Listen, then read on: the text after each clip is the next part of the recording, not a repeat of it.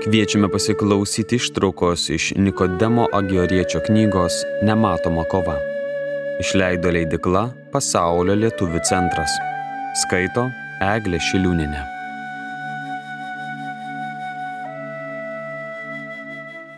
Trečias skyrius. Apie tvirtą vylimąsi Dievu ir pasitikėjimą juo. Mūsų nematomoje kovoje būtina, kaip jau minėta, nepasikliauti savimi Ir jeigu sudėsime visas viltis į save, o paskui neturėdami jokios atramos savimi nusivilsime, tuomet arba tuo jau pat pabėgsime iš kovos lauko, arba galiausiai būsime nugalėti ir priešų paimti į nelaisvę. Todėl be visiško savęs išsižadėjimo būtina širdyje įtvirtinti absoliutų vylimąsi Dievu ir visišką pasitikėjimą juo. Tai yra visa širdimi jausti, kad išskyrus jį neturime kuo daugiau pasitikėti. Gėrio, pagalbos ir pergalės te galime laukti tik iš Dievo, lygiai kaip ir iš savęs, kurie esame niekas, te galime tikėtis tik suklupimo ir nupuolimo. Todėl nedėkime vilčių į save. Priešingai, kai apsiginklavę besąlygišku atsidavimu ir visišku pasitikėjimu vien juo pasikliausime, tikrai gausime visokiojopą pagalbą. Psalmėje skaitome, pasitikė juo mano širdis, jis man padėjo. 28 psalmė 7 eilutė. Įsitvirtinti tokioje viltyje ir gauti visokiojopą pagalbą padės šie mąstymai. Pirma, mes ieškome pagalbos pas visagalį Dievą kuris būdamas visagalis, gali padaryti viską, ką panorėjęs, todėl gali padėti ir mums. Antra, Dievas yra visa žinantis ir išmintingas. Ieškodami pagalbos būkime tikri, jog Jis neabejotinai žino viską tobuliausių būdų. Todėl žino ir tai, kas mums išgelbėti tinkamiausia. Trečia, ieškome mus mylinčio, be galo maloningo Dievo pagalbos. Jis pasiruošęs padėti kiekvieną akimirką. Tam, kad pasiektume visišką pergalę dvasinėje, mumise vykstančioje kovoje, te reikia su pasitikėjimu prie jo priglusti. Argi galėtų taip būti, kad tasai gerasis mūsų ganytojas, kuris trejus metus klaidžiojo ir ieškojo pražuvusios avelės, taip garsiai šaukdamas, jog išdžiūvo jam gerklė, vaikščiojo tokiais varganais ir erškiečiuotais takais, laistė juos savo krauju ir paukojo gyvenimą. Kaip, sakau, ar gali tai būti, kad dabar, kai ši avis eina paskui jį, kreipiasi į jį, su meilė ir su viltimi šaukėsi jo pagalbos, ganytojas nepažvelgtų į ją, nepaimtų į dievišką savo rankas ir nenuneštų į dangaus angelų būrį ir neiškeltų su jais šventinio pokilio. Jeigu mūsų Dievas, didžiai rūpindamasis ir mylėdamas, nenustoja ieškoti aklo bei apkurtusio nusidėjėlio kaip biblinės drachmos, tai argi galėtume pagalvoti, kad jis apleistų jį dabar, kai šis bleuna lik pražuvusi avelė ir kviečia savo ganytoją. Kas patikės, kad apokaliptinėme pasakojime minimas Dievas, kuris nesiliauja kalbinti žmogaus širdies, nori įeiti į vidų ir kartu vakarieniauti. Žiūrėkime prieškimo trečią skyrių 20 eilutę. Dievas, kuris pasiruošęs ateiti su davanomis, pasiliks kurčias tuo met, kai žmogus atveria jam savo širdį ir jo šaukėsi. Ketvirta. Pagaliau ketvirtasis mąstymas, kuris padės atgaivinti tvirtą pasitikėjimą Dievu ir išsikviesti jo greitąją pagalbą, yra Biblijoje aprašytų atvejų peržvalga. Geriau atmintyje, kai Dievas netidėliodamas atėjo į pagalbą. Tokių atvejų gausa akivaizdžiai parodo, jog niekuomet nebuvo apviltas tas, kuris su visišku pasitikėjimu kreipiasi į Dievą.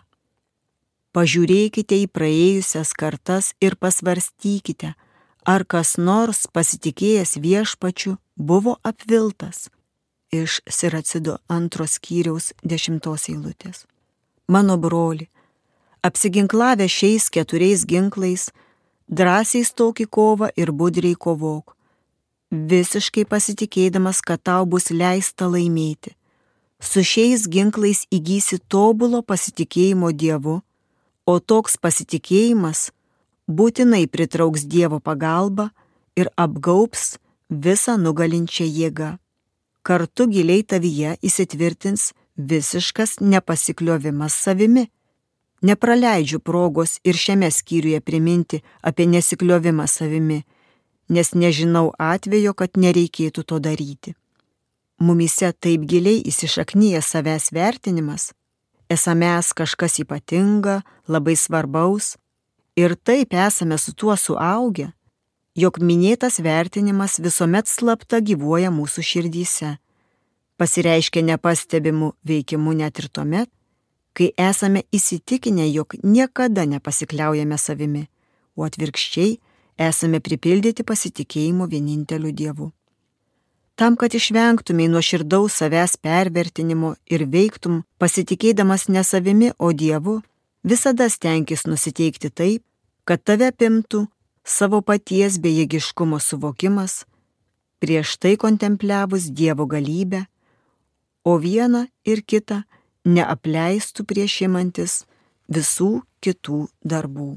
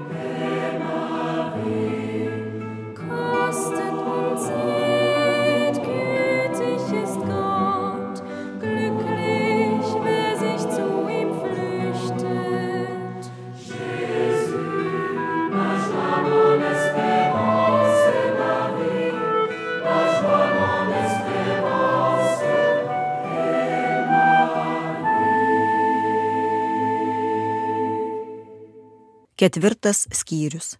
Kaip sužinoti, ar veikiama ne pasikliaujant savimi, o visiškai pasitikint Dievu. Neretai pasitaiko, kad pasikliaujantys savimi mano, jog jie nededa jokių vilčių į save, o pasitik vien tik Dievu ir iš jo visko tikisi. Tai pasitikrinama tada, kai atsitinka kas nors negero, pavyzdžiui, padaroma nuodėmė. Jeigu jie sielvartaudami ir smergdami save dėl nuopolio galvoja, padarysiu dabar vieną ar kitą, nuopolio padariniai dings ir vėl viskas gerai klostysis, tai akivaizdu ženklas, kad prieš tai žmogus pasitikėjo savo jėgomis. Ir kuo daugiau sielvartė niūrumo ir liūdėsio, tuo didesnis buvo pasitikėjimas savimi, o ne Dievu. Todėl taip ir sielvartaujama dėl nuopolio ir niekaip nepavyksta nusiraminti atrasti paguodos. Priešingai, tas, kuris labiau vilėsi Dievu, įvykus nuopoliui, labai nenustemba ir nėra prislegiamas per didelio sielvarto, nes suvokia savo silpnumą ir pripažįsta, jog per mažai pasitikė Dievu. Todėl po nuopolio toks žmogus sustiprina nepasitikėjimą savimi, gilina nuolankų pasikliovimą Dievu, o vėliau neapkesdamas tų aistrų ar įdų, kurios buvo nuopolio priežastis, ramiai ir taikiai vykdo atgailos darbus. Jis gailisi, kad įžeidė Dievą ir su ypatingu ryštu, bet pasitikėdamas Dievu, persekioja savo priešus net iki mirties. Ir dar apie tai, kas anksčiau pasakyta. Kai kurie asmenys, manantis, jog yra dorybingi ir dvasingi, padarę nuodėmę ima labai kankintis, neranda ramybės ir tiesiog nebeištveria to liūdėsio bei kančios. O pastaroji jų nepleidžia vien dėl savimeilės. Ir dėl tos pačios savimeilės, trokšdami palengvėjimo, skuba pas savo dvasios tėvą. O dėrėjo jiems tai padaryti iškart, kai tik nusidėjo. Ir ne dėl kokios nors kitos priežasties, bet vien dėl troškimo nusiplauti Dievą įžeidusios nuodėmės bjaurastį. Ir tada, atlikus šventą išpažinti bei atgailą, įgyti naujų jėgų kovai su pačiu savimi.